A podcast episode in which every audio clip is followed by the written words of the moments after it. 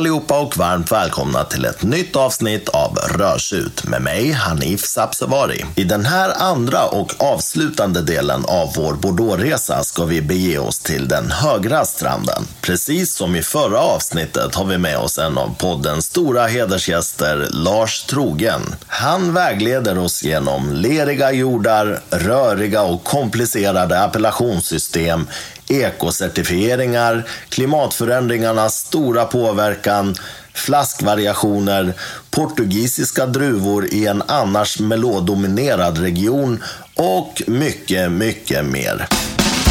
Då är vi tillbaka. Ja. Nu har vi tagit eh, färjan, höll jag på att säga. Vi kanske tog ekan. Det kan, vi, det kan vi ha gjort, absolut. Eller eventuellt någon bro någonstans. Ja, exakt. Jag har ingen, ingen riktig uppfattning om hur bred den här floden är i verkligheten. Den är ganska bred, men det beror på var man vill åka över den såklart. Men vi har nog tagit en, en, en bil och en bro, tänker jag. Ja, Buss. det har vi nog gjort.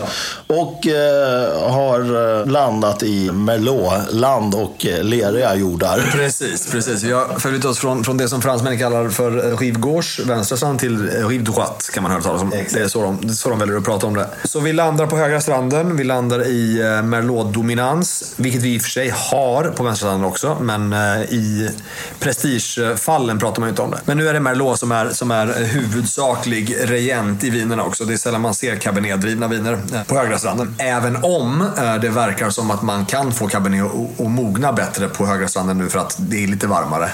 Man är lite duktigare på att odla sådana här saker. Så att det förflyttas lite grann. En sak som vi inte har nämnt, och det var inte i och för sig syftet med avsnittet att prata om klimatförändringar och, och regioners eh, vad ska man säga, adaptionsförmåga och, och möjligheter att titta framåt. Men vi har ju fått se eh, i Bordeaux tillåtelsen att plantera lite nya druvsorter. Så att nu i, får man plantera lite druvsorter från Portugal eh, i vingårdar i Bordeaux.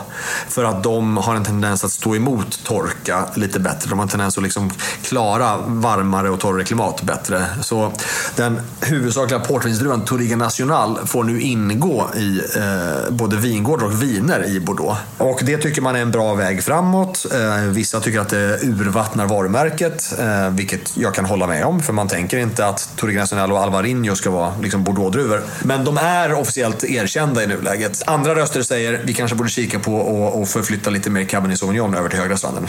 Då kanske man kan lösa det. Vänstra stranden drabbas lite mindre av det här för att det är svårt att få Cabernet att mogna ordentligt. Så nu har vi snarare mer möjlighet att få Cabernet att mogna på vänstra stranden. Högra stranden, in med mer Cabernet för att Merlot övermognar fortare. Vissa proponenter säger att det kanske är ett bättre ställe att börja på. För då kan vi behålla någon slags identitet för Bordeaux. Istället för att bara byta ut saker. Låter rimligt. Det tycker också låter rimligt, att, att man gräver där man står. Och faktum är att man kanske borde titta lite mer på så här, Petit Verdot. Ja. Den mognar ju lite annorlunda. Eh, Malbec, sådana saker. Så att sånt som har liksom blivit utagerat för att det inte riktigt funkade, det kanske man borde titta på igen, eh, tänker jag. Men det är vad jag tänker och jag är inte önolog eller konsult i Bordeaux när det kommer till odling. Och jag tror varken du eller jag har lust att sitta med gubbarna nere i Bordeaux och diskutera. Nej, faktiskt. faktiskt. Det, det, generationsskiftet får hända först och sen så sen kan vi Ja, snacka. exakt. Nej, för de här typerna av gubbar, de vet. De har De svar. vet allt. Ja, gud ja. ja det, är, det är alfa så det räcker. Men som sagt, eh, att, att vi byter lite, lite förutsättningar när vi flyttar till högra stranden. Det är tydligt. Så att, som du säger, lerigare jordar. Vilket innebär jordar som är lite svalare. Eh, vilket gör att Cabernet Sauvignon inte mognar på samma sätt. Vilket gör att Merlot driver på vinerna för att den kan mogna där. Och också hitta lite bättre eh, och högre elegans där. För att den, det är lite svalare så den mognar inte ut fullt så mycket. Med det sagt så brukar man säga att, att högra strandens viner kontra vänstra är lite rikare, lite mulligare, lite liksom mer avrundade i sin, sin struktur. Men det är för att Merlot är sån. Så att man ser oftare blender med mer Cabernet Franc i sig, men sagt dominans på Merlot. Det är ju, är ju grund, grundläget och grundbulten till att förstå högra stranden kontra vänstra. Ja. Sen så finns det ju såklart jättemycket undantag, som det alltid finns. Det finns jättemycket olika satellitappellationer. Det är lite mer komplicerat, eh, ännu lite mer komplicerat, än på vänstra stranden när det kommer till appellationer och klassificeringar och liksom allt det där. Och att vissa av prestigeområdena inte ens har någon klassificering, eh, för det gör det lite extra svårt för oss. Det, det, det tackar vi för. Såklart. Men på högra stranden så, så brukar man prata om främst två områden. Eh, Ett som är lite större, ett som är lite mindre och det är Saint-Emilion och det är Pomerol. Det, är liksom, det, det är de två namnen man ska känna till. Och sen har vi allt annat. Eh, Listracco, Fronsac, Lalande, Pomerol. Liksom alla det man kallar för satellitappellationer. Eh, som händer också. Men vi, vi kommer prata mest om Pomerol och Centermiljön. För att om vi, om vi pratar om, om kommunerna, Center och Margaux, liksom allt det där på vänstra, så känns det rimligt att prata om ungefär samma, på samma nivå. Där vi är på högra stranden. Så att det, det är väl egentligen grundförutsättningen. Jordmån, druvsorter och, och vinstilar. Och här har man ju inte då Atlanten som kust. Utan här har man ju bara Gironde då som är vattendraget så att säga på ena sidan då. Å andra sidan vetter egentligen mot fastlandet då. Det finns väl inget vatten på den sidan? Nej, inte egentligen. Det finns lite olika vattendrag, lite små sjöar och sånt där. Ja. Men ingenting som påverkar. Nej. Och som du säger, Atlantpåverkan är ju betydligt mindre ja. om man jämför med Medoc. Ja. Så att ju längre in man kommer, uppenbarligen mindre Atlantinflytande. Så, så Pomerol och Saint-Emilion är ju precis samma sak. Så teoretiskt sett så har vi ju ganska varma klimat. Vi har liksom eh, Eh, klimat som, som blir mer kontinentala. Ehm, så att vi får varmare somrar, lite kortare höstar. Det, det är inte så långt in att det, att det blir... Det är inte så att vi, vi är inte på tundran, liksom. vi är inte så långt in. Men, men det påverkar lite grann i alla fall. Ehm, så det som man märker i Saint-Emilion och Pomerol, att där det blir som allra bäst, eh, då är man uppe på, på hög platå. Så att Precis. altitud blir en faktor. Um, så att vi, vi jobbar upp några hundra meter över havet, vi får en, en eh, sänkt medeltemperatur och vi behåller fräschör. Men vi bibehåller mognad. Så idén om att vi får fruktmognad och smakmognad men, men behåller syra genom att temperaturen blir kallare på kvällarna och nätterna. Det vi kallar för diurnal temperaturvariation med fina okay. ord. Men helt enkelt att det är, det är kallare på nätterna än på ja. dagarna. Och att det är en skillnad gentemot att vara närmare havet så att säga. Precis. Eh, och framförallt när man kommer upp på höjd. Och det leder ju också till att druvorna får vila på nätterna på ett Precis. annat sätt. Exakt, övermognad är mindre problem. Så att ja. nere på flacklandet eh, där man har lite ska man säga, sämre vingårdar, mm.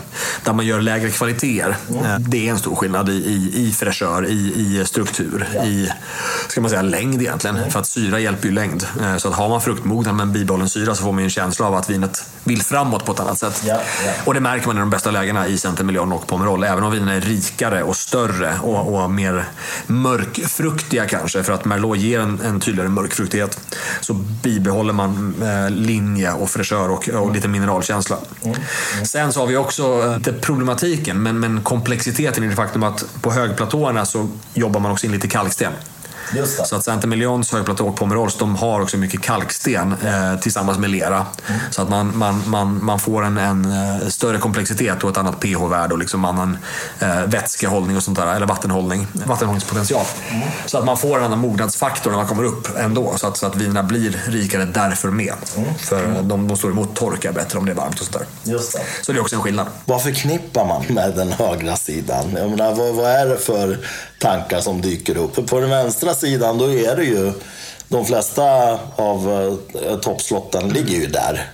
Men på högra sidan, vad händer där? För det, det blir ju, jag hör, man hör ju inte lika mycket surr egentligen om högra sidan. Nej, så är det ju. Eh, och det är ju för att eh, klassificeringsmodellen är inte är lika tydlig. Eh, så Centermillion är ju de som har en klassificering till att börja med. Ja. Om vi börjar där. Deras klassificering är eh, baserad på att de har eh, helt vanlig AOC centermiljon. Och sen så har de eh, AOC centermiljon Grand Cru som betyder absolut ingenting. Det kan vara ett väldigt generiskt vin, men det står ändå Grand Cru. Det känns som att det borde vara det högsta någonsin. Det är som reserva i Chile. Ja. Det betyder ingenting. Nej. Det är godtyckligt. Det här är inte helt godtyckligt. Det är, det är ju en klass upp från vanlig centermiljon. Ja, ja, det är, men det är, det är, lite som att man går upp från, från uh, Bordeaux till Bordeaux Superieur. Det är lite mer mognad som krävs. Mm. Inte så mycket mer. Um, så Grand Cru, ett steg upp. Mm. Um, sen så har vi uh, Grand Cru Classé. Mm som är ett steg upp till. Mm. Där börjar det betyda någonting. Mm. För där har vi liksom mer utvalda lägen, eh, eller snarare mer, mer, mer specifika ursprung eh, kan man säga, som, som är bättre vingårdslägen. Det är rikare frukt, det är mognare. Om man börjar kika på så här lagrings, lagringsregler och sådär. Sen så har vi Premier Grand Cru Classé och då finns det A och B. Så att högsta klassen är eh, Saint-Emilion Premier Grand Cru klass A. Det är det högsta. Man kommer behöva en etikettvärdig Chasplin. Ja, verkligen. Vitamin för att få plats. För att beskriva allt det där. Eh, och det behöver man inte skriva ut på etiketten heller. Man ska bara veta om att det här slottet är av den här klassen. Ja, ja, ja. Så de skriver Premier Grand Cru Classé. Men de kanske inte skriver ut A1. nej. Eh, nu snackar vi att det, vi, vi har också inte ens en handfull slott som har det. Jag kan räkna dem på min vänstra hand utan problem. Jag kan till och med tappa tummen och räkna dem. Så att det är inte många som har det. Eh, sen har vi Grand Cru Classé B, och sen har vi Grand Cru Classé, och sen har vi Grand Cru, och sen har vi generiskt. Så det är en annan typ av klassificeringsmodell. Saint-Emilion är annorlunda eh, gentemot Medoc eh, och deras 1855 i och med att man faktiskt omvärderar klasserna var tionde år. Ish. Ja. Det är inte heller helt hugget i sten, men man ska göra det enligt, enligt liksom idén om klassificeringen. Så att Ja. Man ska kunna ansöka om en, en kvalitetsbump uppåt och sen så blir man utvärderad eh, var tionde år. Och sen så drar sig lite folk ur det här och liksom det man tycker att det är ett ganska stelbent system ändå och att det inte betyder någonting och att det är ganska kostsamt. Och liksom, så att slott drar sig ur, slott vill in. Och liksom, 2012 senast de, de klassade om eh, saker och fick in lite nya slott. Sådär. Men det är fortfarande, det tar tid och det är svårt att förstå. Liksom. Och eftersom det inte händer exakt var tionde år ändå så är det många som tycker, ja, som jag sa, att, att det är lite betydelselöst kan man säga. Men det finns en högsta klass i alla fall. Eh, och de slotten är inte gratis att köpa. Eh, om man tittar på så här Chateau Ausson och sånt där som, som, som kostar väldigt många pengar. Ja. Och som är eh, extremt bra grejer som blir nästan lite burgundiska i stilen. För de växer på den här högplatån med kalksten och sånt där. Så att det, det blir supereleganta grejer. Så det är, det är Saint-Emilion eh, i sitt grundläge. Eh, och sen har vi Pomerol då, då eh, som också har några av, av världens mest eh, högkvalitativa och högt prissatta slott. De har ingen klassificering överhuvudtaget. Det ska man veta. Så att Pomerol kan vara extremt generiskt och det kan också vara extremt dyrt. Men idén är att Pomerol är så pass litet och så pass högkvalitativt i sin potential att det är ingen som gör dåligt vin i Pomerol. Står det Pomerol på en etikett så är det bättre odds att du får ett bra vin kontra om det står Centimiljon på en etikett. Eh, För Centimiljon är större, många fler producenter, eh, mer diffust i klasserna. eh, Medan Pomerol är liksom så här, de, de, har, en- de har mindre incentiv att göra dåligt vin kan man säga. Jag, jag kan gå i god för det. Jag kan inte minnas att jag har druckit ett dåligt vin från honom. Nej, men det är ofta ganska storstilat, ofta väldigt intensivt i sin mognad. Eh, Om man ska jämföra Pomerol mot Centimiljon så Pomerol är ofta ännu lite rikare. Ja, ja. Så att vi har ju trappan på, på Centimiljon som går upp till Premier Grand Cru. Ja. Men Pomerol är ofta ännu lite mer. Så att där har vi liksom Merlots absoluta ska man säga, kvalitetskulmination Ja. i Pomerol. Och det är en generalisering såklart, men den stämmer rätt ofta. Rent i vad, vad man är ute efter stilmässigt. Så att det, det är liksom i, i grova drag de, de högsta klasserna. Inte högsta klasserna, för det var ingen klass i Pomerol, men det är bäst i klassen på den sidan. Vi har ju ändå elefanten i rummet som vi måste prata om. Den, den eh, väldigt eh, fina och goda elefanten och väldigt dyra elefanten. Ja. Chateau Petrus. Ja, det kan man prata om. Det är inte gratis. Det är inte gratis. Har du druckit en Petrus någon Eh? Smakat men inte druckit. Provat ett gäng årgångar, men aldrig haft förmånen att, att, att sitta framför en. Sitta och tömma en flaska? Precis, nej det har inte. Det tror jag inte många har haft tillfälle. Nej, och jag, jag har inte ens satt upp det på min bucket list för jag känner att det, det är svårt. Nu kostar väl 2017 är det 34 och 5 tror jag den kostar i beställningssortimentet. Det är ju pengar på riktigt. Det är både en och två månadslöner Ja. beroende på vem man pratar med. Exakt. På min gamla arbetsplats finns det en flaska Petrysen 07 och den ligger väl på 120 000 ut till gäst tror jag. Billigt och bra. Ja men verkligen. Och, och eh, jag jobbar där, ska tilläggas. Jag slutade där för nio år sedan och den flaskan är fortfarande kvar. Det är inte alla som köper den. Nej. Eh, Dyr Bourgogne säljs väldigt mycket mer. Eh, Men om man ska upp på, och köpa Bordeaux på den nivån. Det, det är inte alla som, som tittar på Bordeaux på det sättet. Det är bra att du säger det för att mitt intryck är att det är fler som har testat en DRC än Petrus.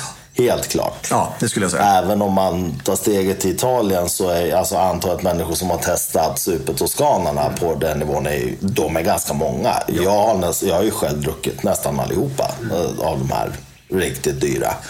Eh, och de är ju inte ändå så dyra. Nej, så jämförelsevis. Sassicaia går inte att jämföra liksom, med en Petrus. Nej men precis, att, eh, exakt. Det är skillnad. Men, eh, men du har smakat i alla fall. Hur, hur- hur var det då? Minns du? Eh, Jag minns väldigt tydligt och det var också när man provar så är det nya årgångar. Men det är ju eh, storslaget vin. Det är det ju på alla sätt och vis. Det, det går inte att att förneka att det är ett vin som har en enormt hög svansföring, inte bara i sitt rykte. Utan, utan intensitet, koncentration, längd, parfym. Liksom. Det, det, den visar upp sig väldigt bra i ung ålder också. Och det är ju orimligt att prova det vinet och tänka det här var en god Merlot. tänker man ju inte. Utan det här är var vi är, det är platsen och det är också slottet i sig självt. Så det är Petrus och det smakar Petrus. Ja. På samma sätt som DRC smakar ju inte Bourgogne, det smakar ju DRC. Ja. De gångerna jag får smaka det. Liksom. Ja. Det, är en, det är en egen grej. Eh, En egen kategori egentligen. Eh, Men, men nej, det är, jag, jag förstår varför det här är ett vin som, som eh, tingar mycket pengar. Eh, Att det tingar så mycket pengar kommer jag aldrig förstå. Det går inte. Eh, Jag kan inte tänka mig att jag skulle lägga eh, 35 000 kronor på en flaska vin. Nej, aldrig i livet. Kommer inte hända. Nej. Eh, Då ska det bli väldigt mycket. Det känns som att mitt tåget till att bli techmiljardär har gått. Ja. All, alla appar är uppfunna, så jag kommer liksom inte hamna där. Litet eh, sidospår här nu kanske, eh, men just det här med priser. Jag tror att vi i något avsnitt försökte bena ut vad som är det rimliga maxpriset. Eh, och det är ju väldigt långt ifrån 35 000 kronor. Ja, det får man ju säga. Jag kan förstå faktiskt viner upp till 2-3 tusen. Ja. Det kan jag förstå. Ja. Absolut.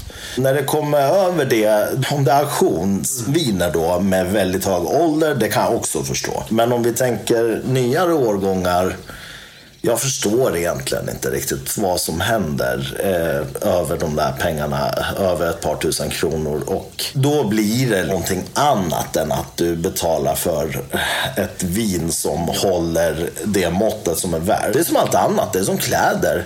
Jag menar, visst, vill du köpa dina liksom, mode eh, certifierade, designcertifierade kläder eller väskor eller skor. Det kommer kosta, men det tillverkas i samma fabriker som de tillverkar 50 kronors eh, t-shirtarna. Det är fortfarande gjort av bomull. Om man ska vara liksom marknadsanalytiker så, så är det lätt att förstå varför det kostar. Men med det sagt, kvalitet kommer inte... Det går inte att ha den pariteten. Nej. Det håller jag helt med om. Och sen är ju rimligheten också i vad kan en palett uppleva som är värt 40 000 kronor. Precis, exakt. Ja. Nej, det finns ju mycket mer njutning eh, baserat på andra faktorer. Eh, som till exempel kontext, sällskap, eh, serveringstemperatur och rätt glas. Eh, Ja. kan man få ut mer av än att veta att man dricker något dyrt. Men å andra sidan så är det många nog som tycker att njutningen sitter i att veta att man dricker någonting dyrt. Och man köper ju egentligen bragging rights när man köper sådana viner. 100 procent. Jag kan själv förstå det där. Jag skulle ju lätt kunna göra en sån grej. Däremot tror jag att jag skulle nog inte köpa en Petrus själv och sitta och hinka. Utan jag skulle kanske gå ihop fyra personer. För att fyra personer tycker jag är lagom antal Ja. på, en, på en sån flaska. Ja. För att eh, blir det fler så är det, det blir så lite vin så att man, man hinner liksom inte riktigt landa i det. Det hinner inte utvecklas i glaset. Nej, liksom det, det finns inget där. Nej, exakt. Utan eh, det, blir, det är för lite. Men fyra personer på en sån flaska, då kan man uppleva det på riktigt och, och samtala kring det ganska länge. Och ja, det blir fortfarande helskotta dyrt, men, men det blir inte så Nej, men då. precis. Exakt. exakt. Så att eh, det är ju ett tips till eh, de som sitter och funderar på det här. Eh, Hör av er till mig, blir vi fyra personer? Jag kan, jag kan eventuellt vara med också. Ja, då så. Då har vi hälften där. Vi har 50 procent av Petrus-sällskapet på plats. Två personer hör av sig, så, så kör vi. Ja, men det är egentligen bara det är åtta lax var. Det kan jag tänka Det mig. kan, det kan man lösa. Ja. Det kan jag tänka mig att betala. En sån flaska, det är ju inte en flaska som du sitter och hinkar hela flaskan själv. Det är totalt meningslöst. Ja. Alltså har du ingen att dela det med. Det, jag vet inte ens vad det kommer betyda. Nej men precis, och sådana viner är ju på sätt och vis intellektuella på det sättet också. Att man, man måste förstå varför. Det är, så, det är så många varför-frågor på sådana viner. Hur, Ja. blev, hur blev du det här? Ja. Vad, vad hände? Ja. Är du så här bra? Vad, vad är kvaliteten i det här vinet? Ja. Ehm, så att försöka skärskåda det på det sättet, är ju, det kräver ju att man kan diskutera med någon. Ja, men verkligen. Är man fyra pers på en sån flaska, det är väldigt orimligt för väldigt många fortfarande. Men jag kan själv tänka mig att göra den grejen. Att ställa mot då till exempel DRC. Är du fyra pers på en sån så är det fortfarande så att din eh, andra hälft då i hushållet, om, om man har en sån, kommer absolut inte att tillåta det här. Nej, det, det, det, det blir ju orimligt liksom. Så att där måste man nästan bara hamna där och Ja. få ett smakprov eh, på, något, eh, på något vis. Ja, men precis, exakt. Eller bli bjuden på det. Nej men spännande. Då har vi i alla fall nämnt eh, Petrus Ja. och eh, diskuterat och bjudit in eh, två eventuella personer Exakt. till, till att dela en flaska. Smattra i din mailkorg. Ja, precis. Om det blir för många kanske vi måste ha en audition. Exakt, exakt. Varför är just du? Det kan bli ett väldigt roligt avsnitt. Vad kan du tillföra till vår Petrus-diskussion när vi väl sitter där? Då gick, då gick vi från det här formatet till något väldigt elitistiskt. Ja, verkligen. Men samtidigt väldigt uh, nutid också. Det är så här, talangtävlingar är ju det enda man ser på tv just nu. Det tävlas i allt. Exakt. Och det här är ju en ny gren som det inte riktigt har tävlats Nej, det är sant. Det är sant. Bevisa dig eh, värdig att, att dricka Petrus med oss. Ja, verkligen. Och jag kan till och med tänka mig att om vi säljer in det här till någon kanal så kommer alla vi fyra totalt slippa betala för det här. Det är ju bra. Vi kanske till och med kan få dem att betala för en DRC också. Det bygger ju en, måste vara en säsong. Är man inget program är ju bara liksom en, en, ett avsnitt, utan det måste ju vara en, en, hel. Oh, ja. Och man ser köerna av folk som vill komma in på den här flaskan. Ja, alltså. gud ja. Ja, nej, men det, det här spårade ur totalt, men det är en väldigt rolig tanke. Ja, men det är det. Vi ska liksom, vår, vår tv-serie är ju uh, unicornviner liksom. Ja, verkligen. Kommer ha väldigt många tv-tittare. Kommer sändas på bästa sändning. Såklart, såklart. 19.00 lördagar. Det är vi och Mello. Ja, känns ju inte SVT-drivet kanske, men eh, TV4 kan nog plocka ut det. Ja, men absolut. absolut.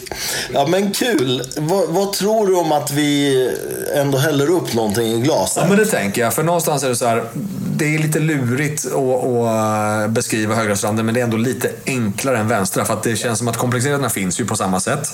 Men stilarna är ju kanske lite tydligare och, och, och sådär. Så, att, så det är väl en jättebra idé. Men eh, frågan är var vi börjar. Ja, det får vi se. Ja. Vi återkommer. Då sitter vi här och ler igen nu då för att vi har, vi har vätska i glaset. Det är ju inte så tråkigt det här avsnittet. Det är väldigt trevligt faktiskt. Eh, Förutom att vi har flörtat med en massa människor som kommer mailbomba mig nu och vilja vara med på en Chateau Petrus. Så ska vi nu alltså till att börja med då eh, testa två viner från Saint-Emilion. Ja. Och samma årgång faktiskt då. Precis. 2016. Och samma klassificering. Precis. Nu ska man ju inte hela tiden lyssna på exakt vad jag säger och att det inte betyder något, men det är Centimiljon Grand Cru på bägge. Inte Grand Cru Class Nej. och inte Klass E A eller B. Så att vi är ju några steg ner. Eh, Så vi är steget över generisk Centimiljon, Ja. skulle man kunna säga. Ja. Och det här är egentligen bara för att titta på två viner från samma årgång, samma ursprung, samma kvalitetsklass och hur de kan skilja sig. Så att de här två vinerna är, prismässigt skiljer de sig åt eh, en del. Men jag tänker att vi ska se om, om, om eh, prisbilden också motsvarar vad vi får i glaset kvalitetsmässigt. Jag brukar alltid säga det när jag, när jag håller i provningar att poängen är inte att alla ska älska alla viner, man måste förstå vinerna i sin kontext. Så här får vi se vad som är mest intensivt och vad som är mest koncentrerat och vad som liksom är högre objektiv kvalitet. Eh, och försöka se det för vad det är egentligen. Och eh, vi, vi börjar då med den som heter Chateau du Cause 2016. Och den här finns ju i 2019 års variant på Systembolaget eh, för 199 kronor eh, med artikelnummer 2491. Den har hållit sig snyggt på 199 eh, över alla årgångar som har funnits i Sverige.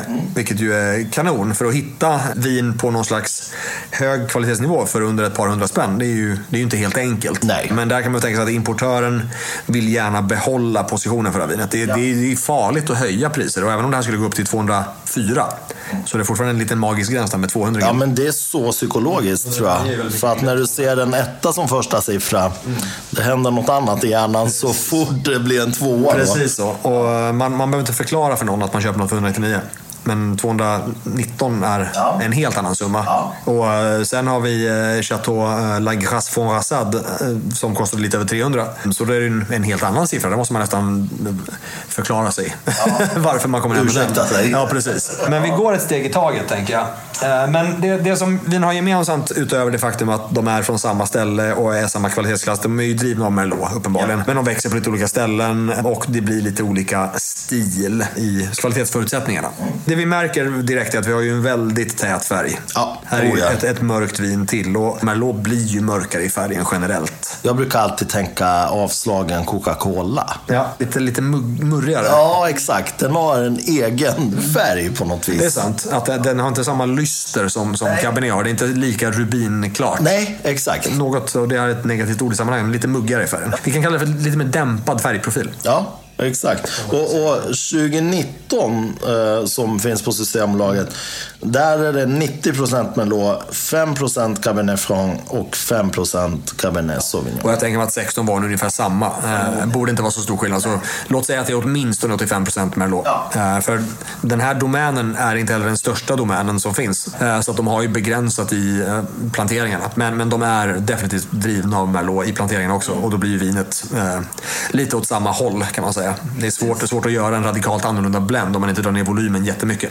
Den här har ju buteljerats på slottet, står det också. Ja, precis. Mise en bouteille Ja. och chateau. Det, det är det man gör. Ja. Det är stadgat. Eh, För att ha ett, ett slottsnamn så måste det vara gjort på slottet eh, hela vägen. Så det är ju någonstans är väl det också typ en kvalitetsgaranti. Men det är väl egentligen bara en garanti att de har gjort det själva. Ja, Eh, om, om det blir bra eller inte.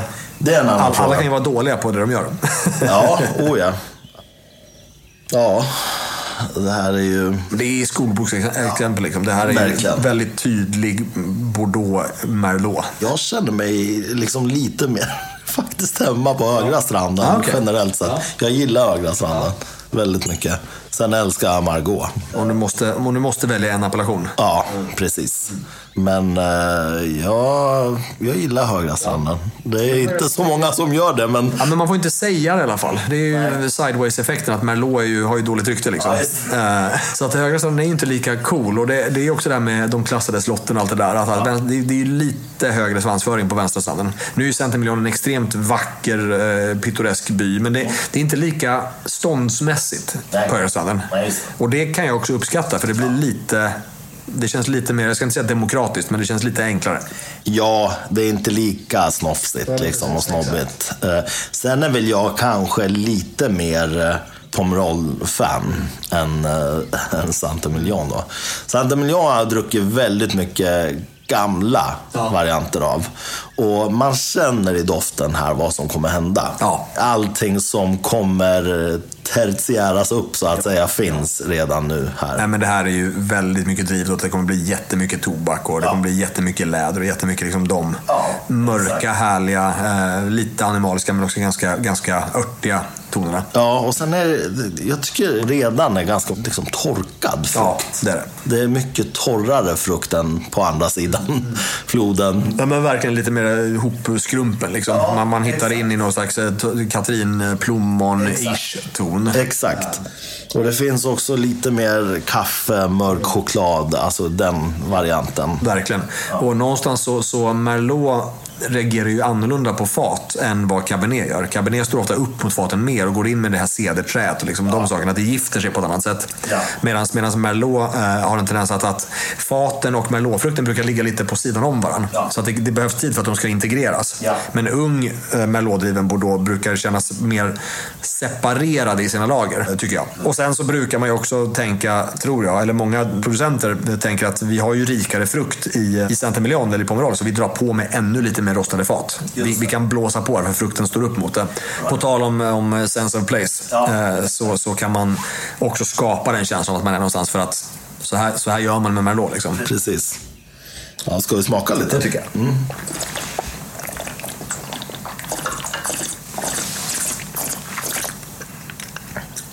Det där skäms ju inte för sig. Det är ju extremt mycket vin för 200 spänn. Wow. Jättemycket. Och det här är vårt första vin eh, för, för eh, de här två avsnitten som är verkligen full body. Det här brer ut sig ganska ordentligt. Nu är det, nu är det serverat svalt, för det gillar du. Jag tycker också det är trevligt med svalt serverat. Och då blir det lite slankare. Man känner att det fyller ut hela, hela gommen. Resan i glaset kommer ju vara fantastiskt. Ja, det kommer. Ja, Absolut. Den kommer lätt hålla sig upp till eh, 18 grader. Och det kommer hända saker. Så fort jag dricker det här känner jag bara, välkommen till Bordeaux. Ja. Här börjar jag verkligen bli glad. Ja, ja men det här är ju, det, det känns ju extremt klassiskt. Men det som är intressant, eh, även uh, Center Steffen som vi provade i förra avsnittet, även om den har lite mer rusticitet uh, gentemot andra appellationer i Medoc. Mm. Det här känns ju större och lite lufsigare och liksom, det är mer ska man säga, inbjudande på det sättet. Det är inte lika stramt, men det har ju ordentligt med tanniner. Det är bra grepp i det här vinet. Ja, men tanninerna lägger sig också så lite annorlunda, ja. eller hur? De lägger sig inte bara på tungan och Nej. man får så här bedövad tunga, Nej. utan de lägger sig lite under överläppen. Och det har kanske inte jättemycket bredd. Det, det är rätt, rätt så liksom vertikalt sådär.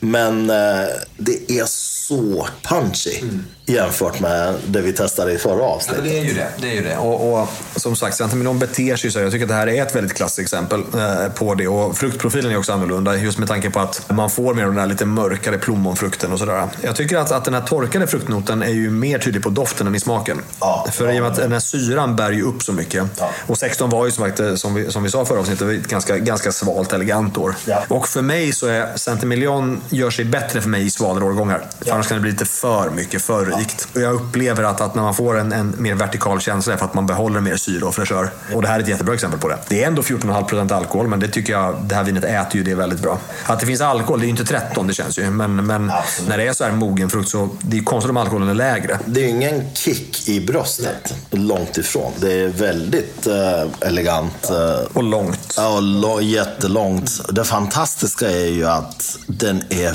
väldigt drickbar redan just nu. Ja. Men kommer också kunna lagras Den här behöver man ta bråttom med. lång tid. Verkligen. Men den är så härlig just nu. Ja, men det är Jag tycker att när man pratar om drickfönster eh, så, så är det viktigt att veta eh, ett, vad potentialen är, men två, vad man själv tycker om. Ja. Du eh, brukar säga att du gillar svampbuljong ja. väldigt mycket. Ja. Och det är inte alla som gör. Nej. Jag kan tycka att det här, om det får fem år till, så börjar det ju glänta på dörren till riktiga tertiära toner. Mm. För nu är det inte där. Det här är ju väldigt primärt fortfarande. Ja. Och det går på sitt sjunde år. Ja. Det visar ju på potentialen i ursprunget. Att få ett sånt här bra lagringsvin för 199, det, det, det är snyggt. Det är nu riktigt snyggt. tipsar vi igen då om, om att köpa en låda. om, man, om man kommer över 2016. nästan alla viner hittills. Ja, vi är ju i lagringsvinernas mecka just nu. Ja, men verkligen. Det är ju inte jättekonstigt egentligen. Då. Så av en anledning. Ja, så är det. Men eh, det här var otroligt. Jag, jag förstår inte hur det här vinet kan vara så billigt. Nej. Men jag tror att det, är som att det handlar nog om, om en medveten strategi från, från importör mm. gentemot Systembolaget. Mm. Att, att uh, behålla positionen. Ja. Men med det sagt, Bordeaux är inte det dyraste av ursprung. De har ganska mycket produktion jämförelsevis, eh, så att man kan ligga lite stabilare. En, en dålig årgång kommer inte slå lika hårt i Bordeaux som det gör i Bourgogne eller Piemonte. Eh, så där kommer priserna kicka mycket mer. Det tycker jag även gäller om man kollar på auktioner, om man vill köpa äldre viner då, som jag gör. Att eh, visst, det är inte billigt, det är inte det jag säger. Men dels slås man av att det tar inte slut med en årgång. Jag menar, det bara matas på. Man tänker, hur mycket flaskor finns det här ute av den här årgången? Och sen är det liksom relativt sett. Ibland har det hänt att jag har köpt tre, fyra flaskor från 70-talet för strax över 2000 spänn. Det är ju helt fantastiskt. Men verkligen. Och även om det kanske inte har varit de högst klassade vinerna så är de inte korkade. Är de inte defekta fatta och få det där. Eh, så gammalt och moget vin för de pengarna. Om man slår ut det på tre, fyra flaskor, det blir inte mycket. Nej, det är väldigt lite för, för en, en, en eh, väldigt intressant upplevelse. Ja. Egentligen så måste man inte ens tycka om vinerna, missförstå mig rätt. Men det är intressant att prova eh, gammalt på riktigt. Ja. Bara för att ha en referens till det. Ja. Så jag tycker att, att för, för alla människor som är intresserade av vin och vill förstå vin, mm. så behöver man ju prova gammalt. Eh, för, att, för att veta vad som faktiskt händer och för att få en idé om vad man själv har för preferenser. Och, ja. Men också, också veta att det här vinet kommer att bli det. Exakt. Så att jag bör förhålla mig till det i utvecklingen. Ja. Uh, så jag vet när jag ska dricka det. Det är först då också man förstår när vi sitter och säger att ja, det här kan lagras och det här kommer bli fantastiskt och det här kommer bli så här. Det är först då man fattar på riktigt vad, vad, vi pratar om. Exakt. Jag kanske liksom gjorde fel i min personliga resa som började från andra hållet. Men jag är lite glad för det också. För att när jag började började med de gamla vinerna jag visste vad slutstationen är när jag började dricka yngre. Och nu har jag lätt, mycket lättare att avgöra hur det kommer bli. Så ibland är det så här, jag kan läsa så här recensioner någon har skrivit, ja det här är riktigt lagringsdugligt och kan lagras 20 år till och så dricker jag det. Va? Nej, egentligen inte. Jag, jag, tror inte det här håller längre än fem år. Det här kommer ju tvärdö. Nej, men det känns som att det är många som, som förväxlar eh, initial kraft med lagringspotential. Ja, exakt. Det måste det inte vara. Smakrikedom och lag, det är inte samma sak. Men hur är strukturen egentligen? Det är det som det bygger på. Koncentration och struktur. Men bara för att något har legat på liksom 200% nya fat eh, och är stort och muskulöst.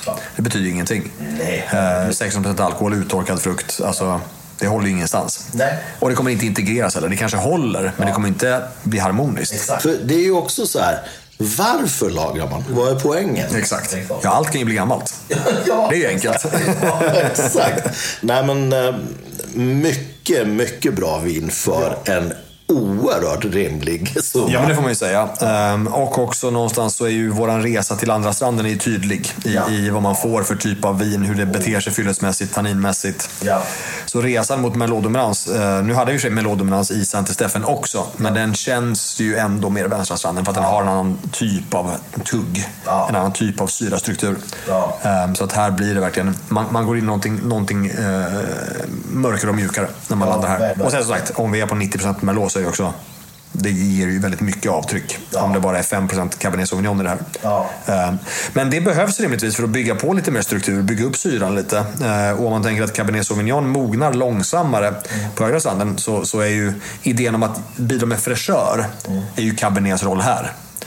Medan poängen är att ha struktur och liksom den typen av grejer på vänstra stranden. Så att rollerna för druvorna blir också olika beroende på var man är. De är lite kryckor åt varandra på olika sätt. Exakt. Om man säger så. Exakt. Ja. Så är det. Jätteintressant. Eh, Jag eh, kan konstatera att mitt eh, glas är tomt för första gången eh, under den här provningen. Och det säger mig bara att Högra stranden fortsätter vara en fantastisk strand för min del. Leverans för dig. Jajamän, vi eh, Eh, återkommer strax med nästa vin. Nu är jag ännu gladare och då har jag inte ens doftat på det. Men när jag tittar så är det ju ännu mer Merlot-fläsk i glaset. Ja, för jag var på väg att säga, kan man bli gladare än du var på för, med förra vinet? Gick det. Går. Nej, men jämför de här två, jag har kvar lite i, i Just förra gången, mitt förra, andra glas. Och det här är ju som att det är ännu lite tätare. Ja, man ser ju att eh, vi är på samma ställe. Ja, absolut. Och det, det, men nu kollar jag rätt uppifrån och ner. Det går inte att se eh, stammen på glaset igenom. Nej, den här är helt tät. Det är väldigt, väldigt tätt. Eh, som vi sa, samma årgång, samma kvalitetsnivå, samma ursprung. Mm. Saint-Emilion Grand Cru 2016, men det här är Chateau G- La Grasse Fonrassad. Och den här går ju loss på 399 kronor. Artikel nummer 90623. Så den stora frågan nu är om det här är dubbelt så bra som föregående vin. Är det det? Då kommer du se mig dansa ballett här på. En skillnad utöver att det här är ännu lite tätare är att det här är också ekosärtat. Vilket är intressant, för det ser man inte så, så himla ofta i Bordeaux. Många producenter i Bordeaux brukar säga att ja, men vi vill inte vara ekosärtade för att det är krångligt i Bordeaux. Det är fuktigt, det är nära havet. Det kanske är rimligare att vara ekosärtad om man är lite längre in i landet. Lite mindre regn brukar det vara när man är mer kontinentalt, så kan det vara. Men det känns också som en ganska trygg ursäkt att säga nej men om det är lite jobbigt något år så vill inte vi. eh, Vi vill inte vara förpliktigade till ett certifikat om det är så att vi måste bespruta för att vi har mycket tryck med röt och sådär. Så jag kan förstå det, men med det sagt så finns det ju eh, chateauer som är särtade även på hög nivå. Femte Cry klass, Classé Chateau Ponte Canet på Jack är ju biodynamiska sedan länge och får det att funka rätt bra. Sen har de vant sig vid att kanske få lite lägre skörduttag, men det går. Och det är så ruggigt gott. Ja, det är sjukt. By the way. Det är otroligt bra viner. Ja. Men, men de, sagt, de, de har varit lite i, gått i bräschen för den typen av producenter. Men som vi sa i förra avsnittet så är det så här. När vi kommer upp på högra stranden och framförallt när vi kommer på liksom ännu mindre appellationer än det här. eh, För det här är fortfarande Center Million Grand Cru, det är ganska stort. Men det är där folk börjar tänka på sådana här saker lite mer. Man ser det oftare eh, hos de mindre producenterna i satelliterna, i liksom udda ursprungen. För de har eh, en point to prove. De, de behöver hitta en USP för att sälja. Så att om man är eh, Lagras von Rassad och vill sälja sitt vin för t- 400 spänn, eh, utöver det faktum att det måste vara bra, så har man också eko-uspen. Det kan vara en, en detalj till att det här vinet är lite dyrare för att de lägger mer pengar på odlingen. Ja. För de kan inte gå in med billiga saker och bespruta.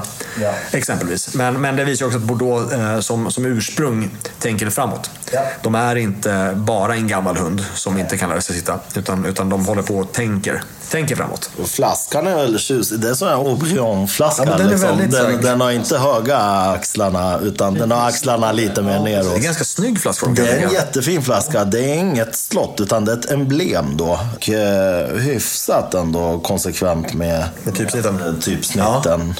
Och eh, här har man ju också konstaterat att man har buteljerat det här på slottet. Precis. Och eh, sen finns ju IKEA-manualen på baksidan då, tack och lov. Ja.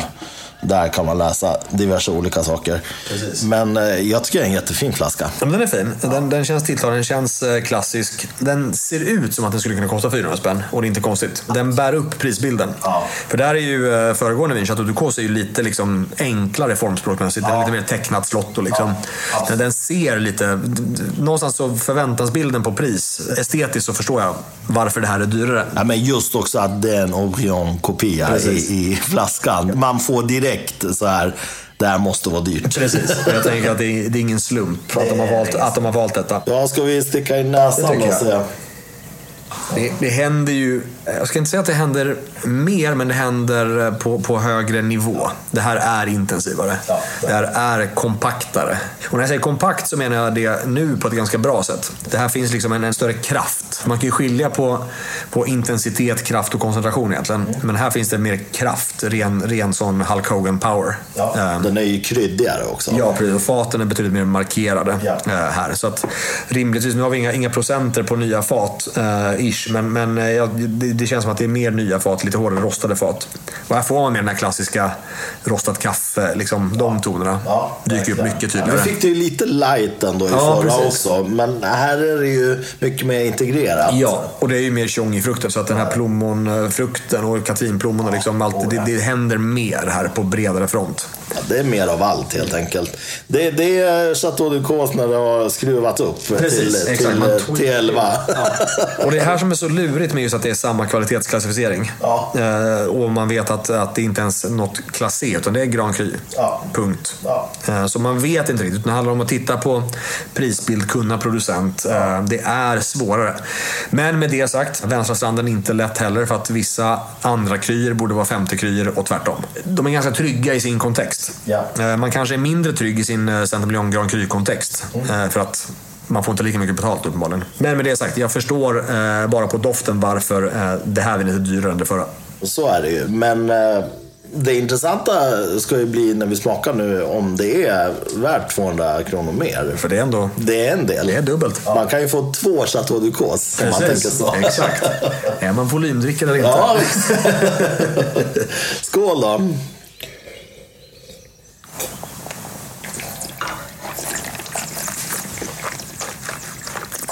Om vi ska börja med saker som det finns dubbelt så mycket av i det här vinet. Det är dubbelt så mycket tanniner. Ja. Det är dubbelt så mycket, nej inte dubbelt så mycket, men det är mer bredd i det här vinet. Det är längre. Det här är egentligen fel att säga, men det är dubbelt så ungt. Fast det är samma årgång. Ja. Hälften så gammalt. Ja, jag förstår Eh, exakt Det här vinet har lång väg att gå om man jämför. Så jag tänker att utvecklingspotentialen är dubbelt så lång Ja. på det här vinet. Om vi har 5 till 10 år på Chateau Ducos så det här är 15. Här är eh, betydligt mer koncentration. Och det är heller inte eh, redo att dricka nu. Chateau Ducos är redo att dricka, men det här behöver man vänta på. Jag får inte ut samma drickglädje av, av eh, La Grasse von Rassad. Men jag förstår var det här kommer ta vägen. Jag blir ju extremt imponerad att ett vin för eh, 399 kronor kommer vara på absolut högsta nivå om 15 år. Ja, men det här är inte där nu. Nej, verkligen Chateau inte. Ducos kan man verkligen ge sig, eh, ge sig hän nu. Jag får den där äh, Bordeaux-vördnaden Ja. när jag dricker det här vinet. Det är ju ett otroligt hantverk. Nej, men det är det. Och det som är skönt för mig med det här vinet är att på doften förväntar jag mig kanske att det ska vara lite mer fatdominant i smaken. Men det är inte det, utan koncentrationen i frukten är så fin. Den lägger sig med faten. Faten är ju där och väldigt tydliga. Eh, Och jag längtar tills de kommer lugna sig lite. Men det kommer också hända samtidigt som tanninerna mjuknar och liksom det blir elegantare. Eh, För det här kommer ju vara väldigt mycket elegantare eh, om tio år. Nej, det här är, det är ett imponerande vin. Och det känns väl lite grann som att vi, vi, vi säger utan så många ord att det är värt dubbelt så mycket pengar. För 400 spänn är fortfarande inte så himla dyrt. Egentligen i kontexten fine wines. Man kan tänka så här då, få ge lite perspektiv. Säg att vi ska köpa sex stycken då. Kanske dricka tre och börja med den första om 10 år och sen 15 och sen 20 om man lever så länge. och sen sälja tre på auktion eh, för att få tillbaka pengarna. Eh, jag tycker överlag att det är typ lite så man ska tänka på det. För att då, då blir det faktiskt väl då blir det inte så himla dyrt heller. Man får tillbaka pengarna. Och det blir en belöning dessutom. Så det är pengar du inte har räknat med. Och det blir mycket mer pengar än vad du har köpt det för. Så att det är ett väldigt eh, bra sätt att dricka vin på om man har plats att lagra och allt det Precis, det är ju där. det. För att jämföra då om man skulle köpa sex flaskor av något av de här fem toppslotten. Då behöver man ha vunnit på Lotto. Oh ja, oh ja, två gånger. Och det jag försöker säga är att om 20 år att dricka en eh, Latour eh, kontra att dricka en eh, Gras von Razad kommer inte vara den prisskillnaden som du betalar när du köper flaskorna. Nej, det är svårt att tro faktiskt. Och vad de kommer vara värda om du skulle köpa dem då. Det, det kommer inte vara så tror jag. Nej, så är det. Och någonstans som du säger, som vi pratade om också, att, att man får ju värdera kvalitet mot den faktiska kapitalinvesteringen. Det blir ju enormt mycket pengar. Ja. Sen kommer Latour vara makalös såklart. Absolut. Men med det sagt, jag ryckte på axlarna. Det, det, det, det hördes inte att jag gjorde det. Men, men, men jag kände att, att som sagt, eh, njutningen av att dricka det här och ha åtta flaskor av det, eller tio eller Ja. 40 Ja. till samma pris som, som man får något annat för. Ja, men exakt. Och, och känslan av att... Tänk att dricka där om 20 år, den flaskan du har kvar. Och sen sälja då tre stycken på auktion till en väldigt fin peng då. Känslan av att gjort de marginalerna kommer ju också vara helt fantastisk. Det är klart att köper du sex Latour så kommer du ju också få mer för dem om 20 år. Absolut, det måste man ju ha klart för sig. Men jag tror att för gemene man eh, om man har utrymme och har möjlighet att lagra. Det här är en mycket rimligare, bredare investering för många fler än för de som skulle behöva lägga väldigt mycket pengar på att köpa de riktigt dyra vinerna. Om man ska lägga in en aspekt till så är det ju en, en vettigare och rimligare inkörsport till att förstå vad Bordeaux faktiskt är. Vi har fem slott på toppen. Sen har vi jättemånga slott som ligger långt under. Det här ligger ju långt under prestigen. Men det levererar Bordeaux, typicitet, mognad, intensitet, eh, lagringsduglighet. För inga pengar alltså. Man måste titta på de här ja, men 5% versus 95. Det här är ju en del av de 95 procenten. Och eh, sån otrolig nivå fortfarande. Och jag tror inte lyssnarna riktigt har gått miste om att eh, jag personligen i alla fall är ju mycket gladare nu när vi är på en Hagastrand. det, det är något magiskt med den Hagastranden. Det är, för mig är det mycket mer av vad jag förknippar med, med Bordeaux överlag. Då. Sen eh, går det ju inte att komma ifrån att på den vänstra stranden, beroende på var man är, så är det ju magiskt givetvis. Men det här är ju makalöst prisvärt. Jag skulle säga generellt att högerstandarden är lite mer konsekvent. Att det är lättare att hitta bargains och lättare att hitta en konsekvent stil på högerstandarden. Det tror jag absolut. För det är ju ganska, ganska nyttigt att veta eh, för den som håller på börja förstå Bordeaux. Att högerstandarden och melodrivna viner, det, det finns en större chans att det är eh, fullmoget, en större chans att det är av en bättre kvalitet för en lägre peng. För att högerstandarden är generellt billigare. Eh, Merlot är inte lika ansett. Så ja, men det, det, väl, det finns väl en logik i det. Ja men absolut. Plus att, eh, nu vet jag inte, jag kanske kommer snärja in mig i någonting som är obegripligt. Men jag försöker.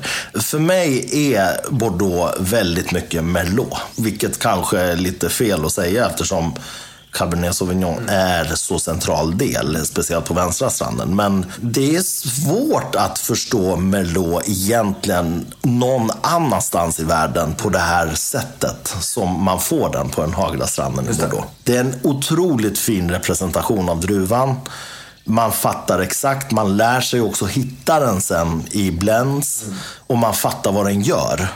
Eh, Medan Cabernet Sauvignon då, den är ju lite som Chardonnay, alltså den är ju extremt uttjatad. Den finns överallt. Det är ju liksom den enklaste druvan i till och med mindre, mer outtalade vinländer eh, där det är riktigt varmt. Eh, jag menar, den kan man få i, i Marocko, man kan få den i Turkiet. Man kan få, jag säger inte att det är dåligt, jag bara säger att man kan få den överallt. Man kan i och för sig få Merlot i alla de länderna också, men just representationen av druvan Merlot på den hagra stranden är outstanding. Jag, jag kommer inte på någonting förutom Massetto möjligtvis som, som slår det här.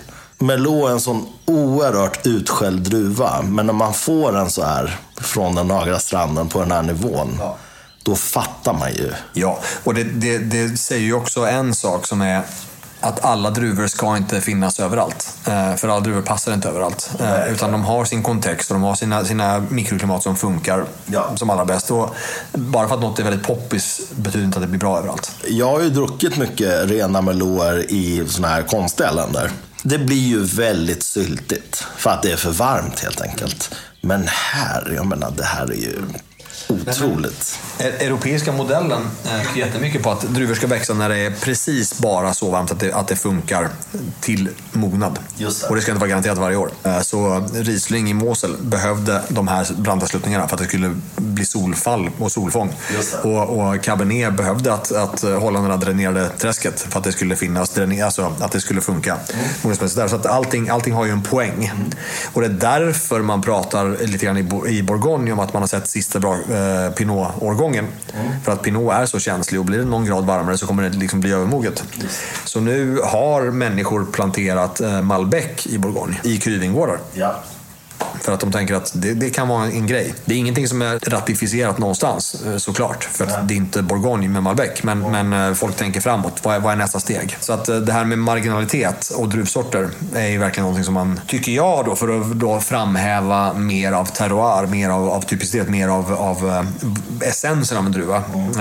Övermognad blir ju aldrig en essens. Nej, det blir för mycket. Så att Merlot där det är kallare, den, det blir bättre på Öresanden. Mm. För att det är just den typen av klimatförutsättning. Jag tänker också när du säger det här att vi kommer nog kanske behöva omdefiniera det vi pratade om tidigare, sense of place, när vi är på de här väldigt distinkta platserna ja. som vi historiskt sett har varit vana vid att de är en viss sak. Inte bara druvorna, att folk latchar med Toriga National och så vidare, utan även det här som du pratar om just nu, att man kanske kommer, även om man håller sig till druvor som är som man har i regionen och i landet eh, så kanske det blir andra druvor. Och vad kommer hända då? Kommer vi ha den här profilen? Kommer det ändras? Hur kommer de här gubbarna som sitter och bestämmer, hur kommer de reagera på det här? Det är ju en spännande tid vi går till mötes. Verkligen. Och, uh förändringarna märks ju redan. Och om man tittar på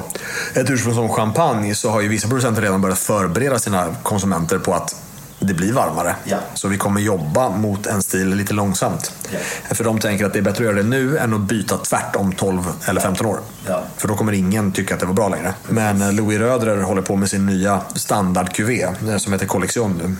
De jobbar mycket, mycket mer med, med årets inflytande även på standard-QVn. Bara för att det kommer bli annorlunda. Och det är nog rätt intelligent om man tänker marknadsföringsmässigt att, att få in det i eh, konsumenters medvetande. Ja, men precis. Och kanske också få konsumenter att förstå att vi kanske inte kommer kunna lagra vin liksom i 40-50 år sen. Utan värmen kommer göra att vi kommer behöva dricka de här vinerna lite tidigare än vad vi är vana vid. Precis, från dessa ursprung som vi är vana vid på ett sätt. Ja, nej, men allting, allting förändras. Så att det, det är vettigt att tänka så. Ja. Men, eh, men jag kan hålla med dig om att, att som sagt Merlot har ju sitt, eh, för mig också, yppersta eh, uttryck mm. när man är här. Det blir inte bättre. Nej, jag har i alla fall inte stött på något bättre. Man ska aldrig säga aldrig, men eh, jag dricker vin i vilket land jag än är. Jag har inte stött på någonting som ens är i närheten, ärligt talat. Utan eh, det blir syltigt och trist och, och lite sockerdricka. Och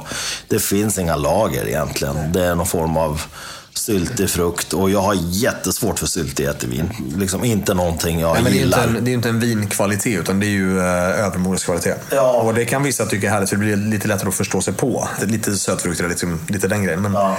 men det är ju ingen kvalitet som, som visar på växtplats eller, eller druvtypicitet eller någonting. Utan det är mer Nej. bara att det, det fanns syltig, syltiga druvor som blev syltigt vin. Exakt, så att... Uh Ja, nej, mycket, mycket intressant. Mycket bra. Ja. och eh, jag är väldigt imponerad eh, och är glad att den högra stranden håller fanan högt även ja. i den här provningen. Eh, och, med de orden så ger vi oss på det sista röda vinet då, från den högra stranden. Ja, då har vi ny väska i glaset igen. Vilket liv vi lever. Det, det är hårt. Det är inte synd om oss på något sätt. inte dumt Inte det minsta. Vad har vi nu då? Det är en Chateau Plans Pomerol 2015 då. Ja. Appellationen är Pomerol Controlé. Ja, det är ju det som finns. Ja, det är det som Det blir inte så mycket mer än, än bara Pomerol eh, i det här läget. Och det vi pratade om lite innan var ju att, att vi tittar på liksom stegarna i kvalitetsklasser på Saint-Emilion och så tänker man att det blir rikare och rikare. Sen kommer man upp till eh, Premier Grand Cru Classé A och så är teorin att det ska vara så rikt som möjligt. Det behöver inte vara sant för vissa jobbar ju superelegant och det är mer kalksten och högre höjd och liksom allt det där. Men, men tanken är ändå att, att Pomerol ska vara ännu lite mognare, silkigare, ännu högre svansföring trots bristen på kvalitetsklassificering. Det är väl, är väl grundtanken. Sen, sen vad som händer i glaset, vad som stämmer, eh, det vet vi inte. För producenter jobbar ju olika och man har olika förutsättningar. Och Pomerol har mer kalksten och det är inte lika mycket lerjordar. Och liksom det, det är en lättare men ändå mer koncentrerad stil på samma gång, skulle man kunna säga. Vad vi vet om, om eh, det här, utan att läsa för mycket på internet, är att det är Merlot-dominans fortfarande, såklart, för vi är på högra stranden. Det är Pomerol, så vi kommer upp lite högre på höjd. Det är 2015 års årgång, så vi byter årgång. Och 15, det är ju en kanonårgång. Superårgång. Eh, väldigt eh, rik, väldigt mogen. Borde teoretiskt sett ge mjukare tanniner. Det borde ge kanske en lite större utveckling i frukten. För att den just var mogen och inte lika kall. Men vi får väl egentligen bara tänka på vad 16 ger. För någonstans är det så här, det här med mognad och inte mognad. Och så tänker man lagringsduglighet. Ja. Det är intressant. För egentligen så kan ju mindre mogna årgångar ge mer lagringspotential. För att de har högre syra, mer tanniner mer antioxidanter på det sättet. Så att bara för att 15 kanske var teoretiskt sett bättre så behöver det inte betyda att det kommer lagras längre. Och den är också lite intressant. Men vi har en, en ny årgång, var väl det som var poängen? Ja, men precis. Det är 2015. Men mm. den här finns ju på, på Systembolaget då, men då är det 2017 man kan eh, beställa nu då i beställningssortimentet. Och eh, det går loss på 445 kronor och artikelnumret är 2402. Och på begäran av leverantören kan det här bara beställas i hela kollen om 12 stycken. Så här måste man ha, vara ett kvarter då som går ihop. Eller gillar vinet jättemycket. Ja, exakt. 2017 då är eh, planterad med 72% Merlot, 23% Cabernet Franc och 5% Cabernet Sauvignon. Och det brukar ju speglas i vinerna. Det här med blender i Bordeaux, det är ju inte bara för att man vill hitta komplexiteten, det är också lite livförsäkring. Ja. Så att om det går jättedåligt för någon druva, eh, om Merlot övermognar, så kan man använda mer av något annat. Exakt. Men det blir mindre volym. Så att grundidén är att man planterar ungefär det ratiot man tänker man ska ha i blenden. Det kommer ju inte alltid stämma i verkligheten. Nej. För årgångar är årgångar. Men just i 2015 års fall så, så var det någon som gjorde att du kunde göra precis som du ville. För att det är en, en, en klassisk enkel årgång för producent, eh, för odlare. Att, att allting mognade snyggt. Du kunde välja skörd, det var ganska torrt på, på, på hösten, det regnade inte så mycket. Så att det var eh, mindre huvudvärk än andra årgångar kan man säga. Eh, jämfört med 2021 exempelvis så var det, man, man vill ha 15 hellre för 2021 regnade bort mycket på hösten och sådär. Det var lurigt och mindre, mindre skörduttag och liksom mindre vin att sälja. Så 15 är en sån där bra årgång där det finns ganska mycket vin. Man kan väl säga poäng att, att även utseendemässigt så nu är vi inne mot granat ja, mer, än, mer än rubin och Den är genomskinlig. Precis, den är ljusare. Så att eh, vi har en annan eh, stil av Merlot-driven Bordeaux i det här glaset. Och inte för att Pomerol inte har möjlighet att göra djupa mörka viner, för det kan de också göra. Ja. Men då är den här producentens stil att kanske extrahera lite mindre, göra lite lättare stilar. Och doftmässigt så är vi ju... Ja, det är helt annat. Helt annat. Betydligt mycket mindre eh, direkt primärfrukt. Och det stalligare också. Ja, och vi gläntar ju på liksom, det, vi är ju inne i, i skogen lite. Det, är ju, ja. det här är ett höstigare vin. Om jag ska försöka sia om vad som händer här om man sitter på det här vinet. Så jag tror att det här kommer bli svampskog mycket snabbare ja. än man förväntar sig. Det tror jag också. Om man inte liksom vill dricka champinjonsoppan så kanske man inte ska lagra, överlagra det här då. Precis. På doften nu, nu har vi inte smakat på det. Det är ju såklart väldigt viktigt. Precis. Men på doften så tror jag att eh, inte lagra mer än tio år. Nej, precis. Sen en sak som, som är bra att komma ihåg med lagringsdugliga ursprung eh, är att det finns ju flaskvariation. Just. Det skulle kunna vara att den här flaskan har gått lite längre i sin utveckling kontra andra. Korken i sig ser ju väldigt intakt ut. Det är inget liksom, läckage i den. Nej. Eh, Så att det borde ju inte vara det egentligen, men men möjligheten finns ju alltid att någonting Absolut. oxidar lite snabbare. Ja, Eh, Så att där är också poängen att, att ha några flaskor av något som ska kunna lagras eh, för att kunna jämföra och märka att den här flaskan var lite, lite för långt gången kanske. Ja, men det är bra att du säger det, för jag handlar ju mycket på auktion då. Då kan det ju vara så här att det är tre eller fyra flaskor, samma producent, samma årgång, ja men samma vin. Så när man tittar på den här bilden då, jag tittar ju mycket på axelhöjd då, eller flask, alltså hur högt vätskan går. Precis. Eh, Är det väldigt långt ner, då är det ju väldigt stor chansning. Det är klart, är det ett vin från 20-talet så är de där nere nästan allihopa. Men eh, man måste vara medveten om att det blir en väldigt stor chansning. Men det kan ju vara så här då. Eh, Fyra stycken, samma vin, samma årgång. Allting är samma. Och det är väldigt varierande höjd på vätskan i flaskan då. Det är, tycker jag personligen, lite oroväckande. De gångerna kanske jag låter bli då och, och ropa hem någonting. Är det så stor skillnad börjar man ju bli misstänksam. Ja, precis. Då eh, kan det vara att det är ganska mycket eh, defekter. Exakt. Nej, men det är det som är, är, är kruxet med naturkork. Eh, helt enkelt, att det kommer vara variation. Det är inte, det är inte en konstant produkt, eh, eller konsekvent produkt. så Eh, och någonstans så tänker jag att, att 2015, jag vet vilken typ av årgång det här var, så att jag hade förväntat mig lite mindre utveckling. Eh, så att den här flaskan kan vara lite eh, prematurt utvecklad. Men det tackar vi för. Ja. men eftersom vi inte dricker det så sent Nej, men en exakt, exakt. så är det väl eh, jättehärligt om det är så. Utan att få skadat. Så att med det så tycker jag att doften är jättehärlig. den är underbar. Lite mer floral i, doften. För mig får den lite mer röd frukt eh, också jämfört. Den, den är fortfarande blåfruktig. Men det finns lite mer eh, röda plommon och liksom med. nästan en liten, liten lätt jordgubbstouch. Ja, men jag håller med. För mig, det som är härligt, som den här flaskan visar upp av, av Bordeaux då, det är den här stalligheten. Och eh, även blyertsnoten som är för mig jätte, jätte mycket Bordeaux då. Speciellt om man kommer upp i ålder. Ja, ja men verkligen. Nej, men det är tilltalande. Ja, Definitivt. verkligen. Allt vi säger som, som får låta negativt om det är liksom för tidigt utvecklat, det är fortfarande trevliga toner. Ja, ja, ja. Verkligen. Det känns balanserat. Det är ingenting som, som går in och dominerar. För det som är lite stalligt och lite, kanske lite brett till och med, ehm, det stör inte mig överhuvudtaget det här vinet. Verkligen inte. Ja, vi smakar.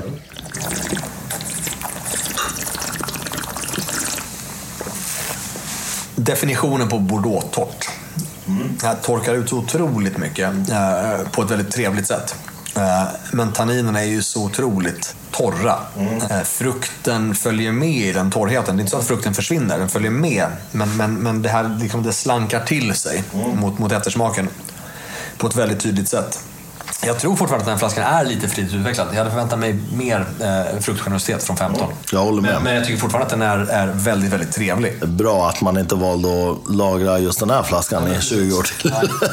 För på pappret kan, ska man göra det, för det är vad 15, vad 15 kan göra. Men i sin kontext exakt nu så är det ju ett väldigt trevligt vin som, som visar upp en mognad, eh, men som har en bibehållen struktur. Ja, men verkligen. Det här eh, med, med matbit till. Ja, absolut. Det är bara att köra. Ja. Det är ingen det att vänta så mycket mer på, på det nu. Det, det går absolut. Ja. Man kan absolut vänta tio år till minst. Det är strukturellt intakt. Ja, ja, absolut. Man, det här skulle man kunna dricka till, liksom, men tänk så här viltfågel. Exakt. Så att man är inne på så här duva och sådana saker. exakt. Otroligt gott. Ja. Ehm, och en ganska kaxig sås till, men ändå med fräschör. Snöar man in på lyxspåret, men, men så här typ murklor, sådana saker. Så det här är ju ett, ett höstigt vin. Ja. Det vill ha den typen av smaker. Jag kan känna lite grann hur det här kommer bli när det har åldrats väldigt mycket. För mig så kommer den slutstationen inte vara lika bra som de tidigare två Nej. som vi testade. Det här ska man inte vänta för länge med, skulle jag säga. Tio år, då kommer den nog vara på sin peak. Då tror jag också att den är precis eh, hela vägen utvecklad. Då får man lite tertiära inslag. Den har ju den här stallighet, lite skitighet som gör att det kommer finnas där. Men eh, den är ju väldigt annorlunda mot eh, Ja, det- de två tidigare. Gud ja, verkligen. Det är inte samma inneboende djupa kraft och liksom, utan det här är lite mer finlämmat. Och den är ju fräschare också. Ja men det är den, den är. syran är ju högre. Frukten också. Och som du säger så är det ju, den här röda frukten gör ju att den känns ändå också fräschare på något vis. Ja, men så är det. Och här kan man ju antagligen attribuera det till, eh, nu vet jag inte exakt vad Plans vingårdar står på, men om man tänker att Pomerol har en del kalksten i sig. Mm. Kalksten eh, är lite högre pH, vilket eh, motsägelsefullt nog sänker pH i eh, druvmusten. Så att man får högre syra, lite mindre mognad i kalkstensjordar. Ja. Um, så det är ju en effekt eh, jämfört med lerjordarna som vi hade i föregående viner. Mm. Att där får vi rikare, större stilar. Ja. Medan här får vi absolut fruktmognad, men det är en lättare stil. Om man ska dra grova penseldraget, där är ju också väldigt mycket bordeaux ju. Ja, men det är det ju. Det är ju stalligt, det är, det är läder, det är tobak. Ja. Den här elegantare sidan ja. eh, av, av Bordeaux. Och framförallt känner jag att tanninerna verkligen blir väldigt torra. Ja. Det här är ett vin som inte har någon fruktsötma i finishen. Nej. Utan det är Ja. Det, det, det, sluter upp bakom sin struktur ja. på ett väldigt tydligt sätt. Mm. Och det, det händer inte med Merlot i nya världen. Det händer nej, inte i Italien. Det händer liksom inte, inte med egentligen viner generellt i, i varmare klimat utanför Europa. Eh, nej, utan, utan de är mer avrundade i sin fruktsötma. Även om de är torra så är det en annan typ av kant. Så att det här känns extremt klassiskt. Ja, det, det tycker jag. Men... Eh är det prisvärt tycker du? Ja, egentligen så är det ju det. Med tanke på att det är harmoniskt, det är strukturerat, det är balanserat. Men jag lägger ju ofta in prisvärdhet med en liten lagringsduglighet. Ja. Eh, och eftersom jag inte ser potentialen på samma sätt i det här. Jag tror att det är den här flaskan, återigen. Eh, att jag, jag tänker att en annan Plans 15 skulle bete sig annorlunda. Jag skulle vara nyfiken på att, köpa en flaska till av samma årgång för att se om det var så. Ja. För, att, för att någonstans uh, bli, få min tes bevisad eller motbevisad. Mm. Nej, men jag tror att du kan ha absolut rätt. Jag skulle ju hellre lägga pengarna på Fångasat. Ja. Om jag skulle investera i lagringsduglighet då. Och kanske om man tänker om jag skulle köpa en låda mm. på 12. Mm flaskor av någonting så hade jag nog hellre köpt av den. Ja. Inte för egentligen att den är 50 kronor billigare. Det är ju inga pengar om man köper en låda med 12 flaskor i. Men om det är så att den här flaskan, att det är så här det smakar. Mm. 2015. Ja, då hade jag hellre lagt det på, ja. på andra också. Ja. Det hade jag absolut gjort. För annars kommer man behöva dricka lite i raskare takt. Ja, verkligen. Ja. Om man tänker kickback i framtiden på vad man får tillbaka så tror jag att man får tillbaka mer på en fångad Det tror jag också. Uh, för det är så att om det här är uh, den korrekta flaskan ja. så, så nej, så är det. Den här har inte lika mycket liv i sig uh, för, att, för att ta sig hela vägen dit. Nej. Det här är inte ett 15-20 års vin Nej. på det sättet. Nej, det är det inte. Och därför jag blir som sagt lite, lite misstänksam. Ja. Men med det sagt, det är gott nu. Men jag hade inte köpt en 12 nu. Hade jag fått det här blint mm. så hade jag varit nere på, på 00-tal i utveckling. Så det känns ju äldre än vad det faktiskt är. Ja, det, det gör det ju. Och jag tror att den här skitigheten, den lurar en. Liksom. Ja. Hade man fått det blint hade man... Jag håller med. Jag hade nog Jag hade tittat på färgen till att börja med. Ja, eh, och eh, antagligen varit i rätt region. Jag hoppas det i alla fall. Ja. den har ju så här tegelinslag nästan. Ja, men precis. Ja. Så hade varit så här, är det en en 04? Liksom, ja, är det någonstans där vi är kanske? Men det... är intressant med, med just att, att flaskor varierar också. Det, det är någonting man får, får uh, ha lite i bakhuvudet om man ska investera i den här typen av viner. Att det kan skilja. För vi är i en traditionell region som inte kommer, de kommer inte köra skruvkapsyl här på ett tag. Utom om man är på Chateau Bonnet-nivå såklart. Men, men då är det något annat också. Ja, nej, men trevligt. Vi eh, avslutar helt enkelt vår eh, Högra strand-safari här. En ganska trevlig safari kan jag tycka. Mycket trevlig. Det händer mycket. Och då har vi inte ens varit och petat i satelliterna. Exakt. Vi har inte besökt garageproducenterna. Vi har liksom inte gjort den grejen. Nej, men, men det känns som ett, ett, ett, avsnitt till. Det är nog ett avsnitt på, till. på, på uh, Moix och de där grejerna. Ja, men exakt. En egen kategori av Bordeaux. Absolut. Och det kanske vi återkommer med någon gång. Vem vet? Vem vet? Vi avslutar i alla fall den högra stranden för att komma med en liten överraskning här på slutet. Spännande.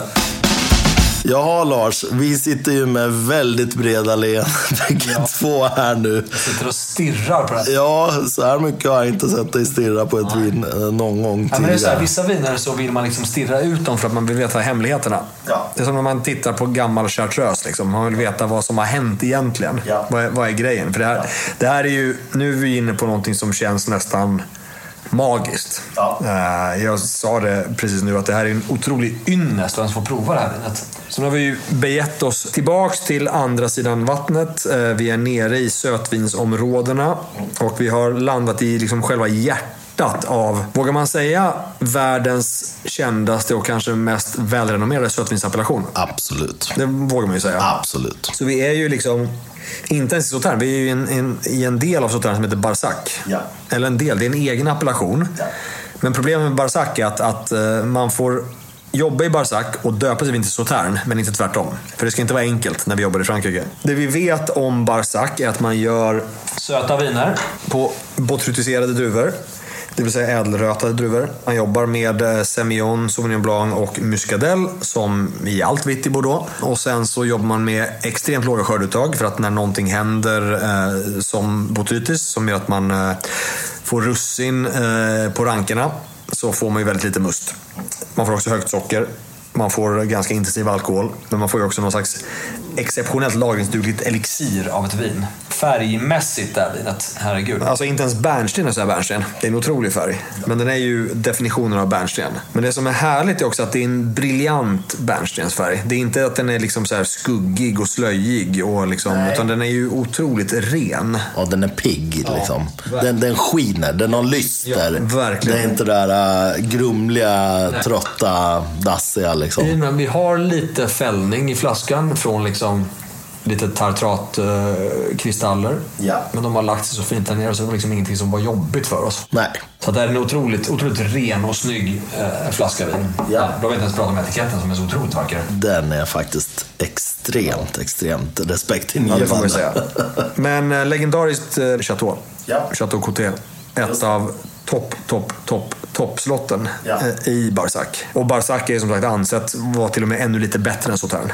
För där har vi en annan jordmån. Eh, Vi jobbar med, med kalksten i, i eh, Barsac kontra Sautern. Där är det lite mer, lite mer lera och, och liksom sand. Så att det ska vara lite mer nerv i Barsac. Lite mer fräschör. Lite, liksom, lite, mer, lite mer driv framåt är ju tanken. Vad är det för år på den här då? Ja du, jag var inte ens född då. Nej, inte jag heller. 1976. Nej, otroligt. Ja. Otroligt verkligen. Snart, snart 50 år. Ja, det är magiskt. Jag har ju druckit en del riktigt gamla söta viner då.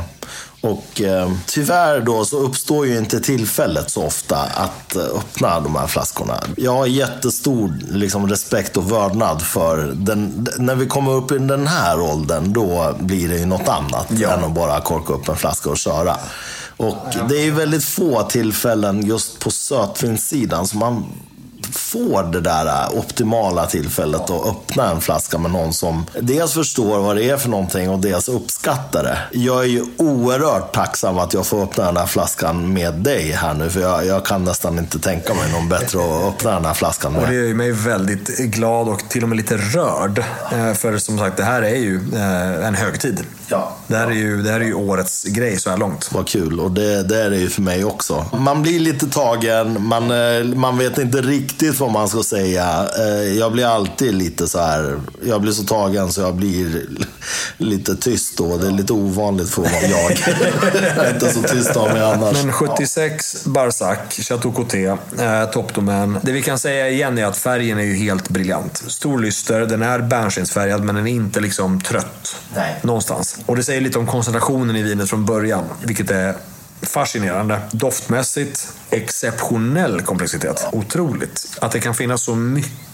Idén om att någonstans eh, vad ska man säga, förpacka en doft och sälja den vidare. Det här skulle man kunna ta betalt för att folk ska få dofta på. Liksom.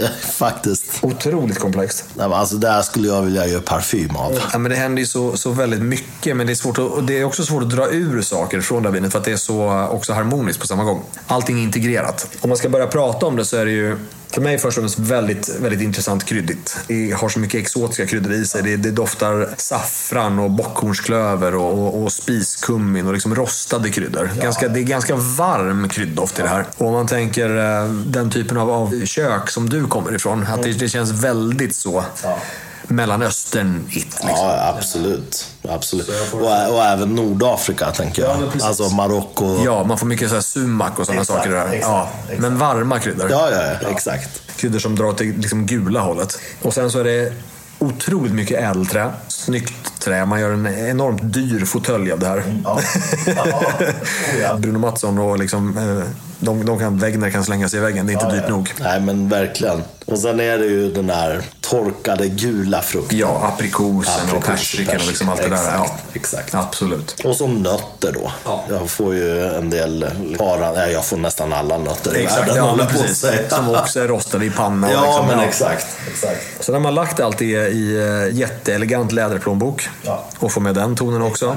Och sen så är det fortfarande väldigt mycket pigghet i det. Det är liksom inte att de här sakerna händer och så är de lite trötta och döda. Utan det är så här, det, det, vinet vill uppåt. Det, det är liksom i rörelse. Och det sjuka är ju att det är ett vin från 76, när det är 2023. Det här vinet kan man dricka om 20 år också. Ja, ja, om 50 år också. Om 50 år Ja, också. Det, det, det här kommer inte ta slut. Nej, nej, det här har liksom hittat en, en platå där det står länge. Det här kommer, jag tror att det här vinet kommer vara exakt så här i tio år till. Det tror jag också. Det kommer inte hända någonting. Nej. Man blir liksom väldigt ödmjuk Ja, det blir inför man, ett sånt det här vin. Dels blir man ödmjuk inför det faktum att det här vinet finns 50 år senare nästan i glaset och att man kan prova att det, att det lever så väl. Men också processen kring hur det här vinet är gjort. Ja. Eh, bara skörden kring det här vinet är ju någonting helt otroligt att folk ens orkar. Vilket i och för sig färre människor orkar nu för att det finns ingen riktig marknad för söta viner på det här sättet. Vi sa i och för sig tidigare att det börjar stabiliseras så att, så att Sautern och Barsac har hämtat sig lite grann, att de tappar inte längre. Så det är bra. Men, men idén om att eh, ett, försöka förstå ädelröta. Försöka komma underfund med varför man ska acceptera så låga skörduttag eh, för att nå upp till en stil. Stilen är unik och den är, den är enormt komplex och man förstår ju egentligen varför. Men också att så här, ja, men de här har nog skördat de här druvorna till det här året. Det är nog åtminstone en 7-8 skördetillfällen för att skörda för hand, druva för druva. Och sen som sagt jäsningen, inte helt självklar. För det är så mycket socker. Ja. Ingenting säger att det här vinet är logiskt. Det är ett ologiskt vin. Som jag är himla glad att någon orkar göra. För att utdelningen är ju enorm. Det är så himla kul att du säger det där. För att jag har ju använt precis det ordet. De där gångerna när man blir stum. När man blir så här som man är nu. Man är så tagen så man vet inte riktigt vad man ska säga. Alltså, varför ska jag börja rabbla noter igen? Nej, precis. alltså, det här vinet talar för sig själv. Men eh, det är en podd, folk ser inte, folk är inte här. Så det är ändå, vi måste göra det. Men de gångerna jag har gjort det är det precis det ordet jag har sagt. Det, det, är, liksom, det är ologiskt. Jag fattar inte egentligen vad Ja, det är det som här är händer. ju liksom något som inte egentligen borde finnas. Men som någon typ av utomjordiskt vin så är jag glad att det, att det finns Ja. eh, i ett glas nära mig just nu. Och det händer ju så mycket i glaset också. Nu har, för, för mig har det börjat hända jättemycket ingef, kanderad ingefära nu. En sån här eh, äppelpaj med kanel, du vet, i ugnen när den är varm. Tartatan Ja, eh, exakt. och lite, lite lätt bränt. Det doftar karamelliserat så det skriker om det. Och just det här med utveckling och lagring av ett vin, om man tänker på det som en form av kontrollerad oxidation. eh, Som också har med Maillard-effekten när man steker saker och, och gräddar saker, bryner saker. Det, man får ju en, en gräddad ton. Och effekten av att lagra saker är ju exakt densamma. Så att det här är ju Maillardiserat. Det här är ju gräddat fast under 45 år. Just det. Eh, Vilket är ju helt otroligt. Ja, det är helt ofattbart. Jag har en, en till sån här persisk eh, doftnot. Det här är ju lite intressant då. Alltså iranier pratar ju, i alla fall äldre generationers iranier, pratar om matvaror som kalla eller varma. Så till exempel äter man mycket fisk, eh, gurka. Det här är så exempel på kalla råvaror. Då vill man balansera ut det med något varmt efter måltiden. Så då äter man till exempel eh, dadlar. Ja. Och något som man äter väldigt mycket i Iran efter mat. Speciellt efter de här kalla eh, måltiderna som innehåller sånt. Det är bröstsocker. I Iran så, eh, bröstsocker det är så alla har det. Ja. Man äter det när man får lite ont i magen. Man äter det efter att ha ätit fisk. Ja, men det, det är väldigt närvarande i det iranska köket då. Och man har det i te framförallt. Och det heter nabat. Så att man har det då i teet, antingen i glaset och häller över teet så att det blir lite sött. Eller vissa bara stoppar i munnen och dricker teet till. Men det finns ju också den här varianten som är lite smaksatt då med, med saffran. Och saffrans bröstsocker, det har den här färgen. Ja, okej. Jag får så mycket saffrans bröstsocker här i det här glaset. Men som du beskriver det så, så är det ju logiskt. Jag har inte provat det men... Det ser ut så här. Alltså det är hårt men det är samma färg och, och det doftar på det här sättet. Så att, eh, Jättespännande. Ja, verkligen. Ska vi dricka? Vi måste väl. Det ska inte behövas dricka, man kan dofta på det som sagt. Men, men, eh, men det är ju där, det är ju flytande. Vi får ju prova. Ja. Vi måste. Verkligen. Skål! Skål.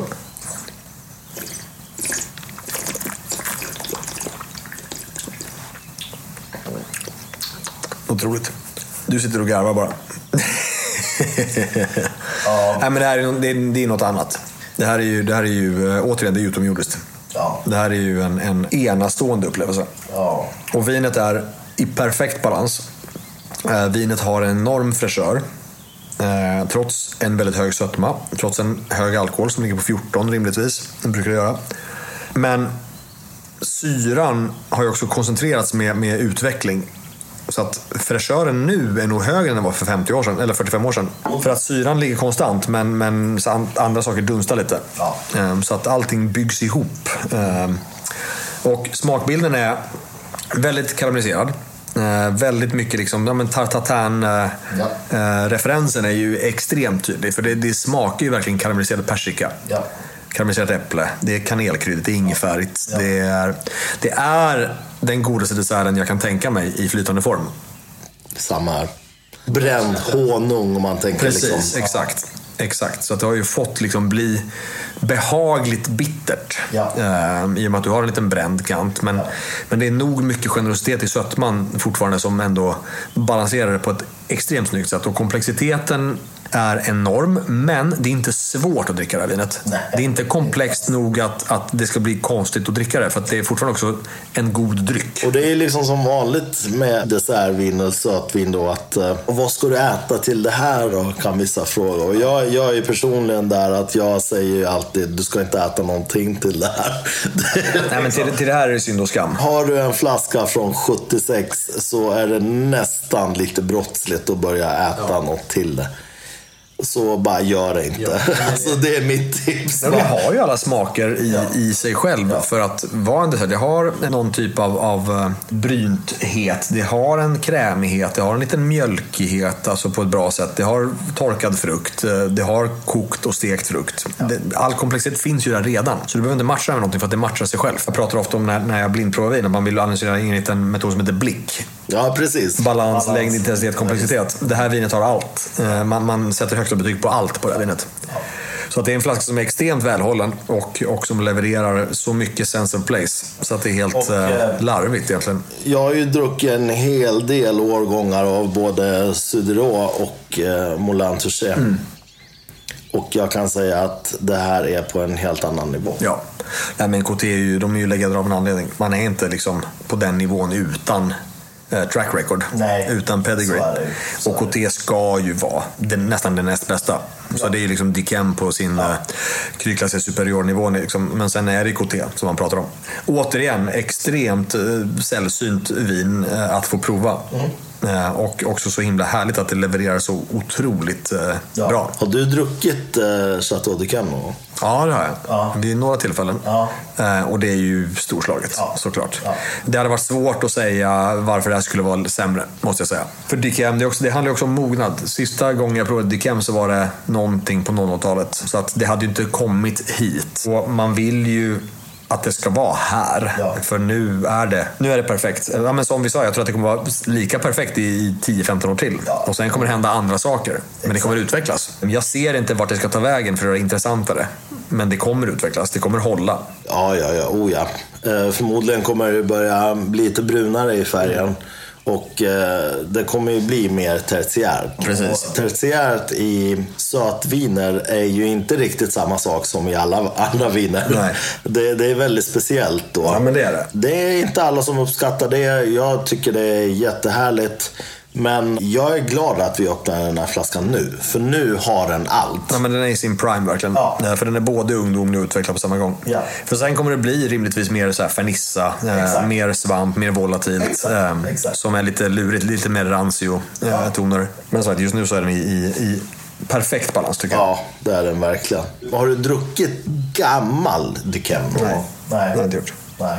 Jag har inte, inte provat eh, Barsac eh, så här gammalt förut. Nej. Det, där, är- det här är, är, är så, så långt bak i historien som jag har kommit på, Ja.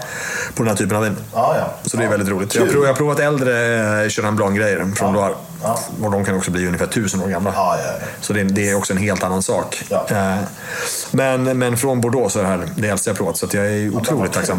Ja. Nu har jag fått en till referensram Ja. eh, gentemot studier etc.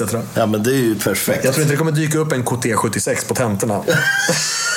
Men om det gör det så vet jag exakt vad jag ska säga.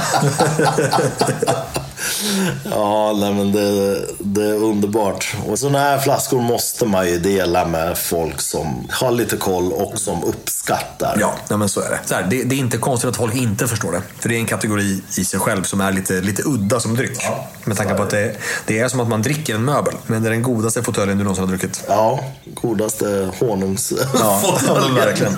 Ja, herregud, vilken, vilken resa. Vi eh, kommer väl sitta här och vara tagna en stund till efter att vi har slagit av. Eh, men eh, jag eh, bockar och bugar Lars för att du har tagit dig tid. Jag kan inte tänka mig någon bättre och lämpligare att ha väglett oss genom den här eh, röriga och väldigt eh, komplexa och ogripbara delen av världen som är så mycket för så många. Eh, Jag är oerhört tacksam för att du tog dig tid och att jag fick dela de här flaskorna med dig. För det är ju så speciellt, verkligen. Och att få dricka just det här avslutningsvinet med dig är ju så himla kul, tycker jag.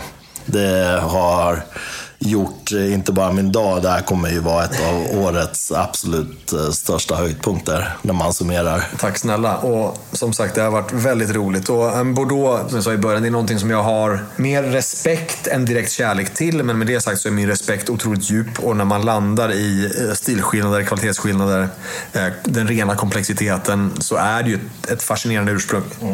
Så att för mig har det varit eh, extremt kul att få, få, få gå in under skinnet på det lite mer. Så tack snälla. Ja, men det är jag som ska tacka och eh, för min del så kan jag bara säga att min eh, kärlek och respektlöshet mot, mot den här platsen har bara fördjupats ännu mer. Jag har egentligen noll eh, respekt för, jag tycker man ska korka upp ett vin som det är då från 76 och dricka det. Jag är ju av den skolan som anser att vin ska drickas. Då. Ja. Om det är så att vinet är så pass dyrt att eh, man tänker att man ska sitta och titta på det, då kanske man inte ska köpa det. Utan i alla fall inte av den anledningen. Utan vinet är till för att drickas och eh, det är de här stunderna man kommer minnas eh, eh, när man ligger där på sin eh, dödsbädd höll jag på att säga. Men när man blir gammal nog att börja bli nostalgisk och tänka tillbaka och summera sin resa och sin vinresa då. Så att eh, jag är fortsatt eh, väldigt förälskad i Bordeaux och eh, anser att det är lite benchmark för vad ett stort och gott hantverk är för någonting när det gäller vin. Sen om man gillar det eller inte, det är en helt annan sak. Men jag har inte blivit minst övertygad om att jag ska tycka något annat efter, efter de här två avsnitten. Utan eh, jag tycker att alla ska dricka mer Bordeaux. Har man möjlighet att eh, köpa äldre Bordeauxer på auktion så gör gärna det och, och känn draget. För det är, det är magiskt. Liksom. Det är någonting helt outstanding eh, som inte går att beskriva egentligen. Och eh, ja, vi stannar väl där och säger eh, tack för fantastiska två avsnitt och att du har väglett oss genom den här röran. Men det är en ljuvlig röra. ja, det är det verkligen. Och eh, du är alltid varmt välkommen tillbaka till podden när du vill. Och eh, jag hoppas att jag kan lura hit dig fler gånger. Det tror jag. Eh, få hitta fler gamla flaskor i min källare. Vi önskar lyssnarna fantastiska vinupplevelser. Tack och sköt om er. Ha det bra. Skål! Skål.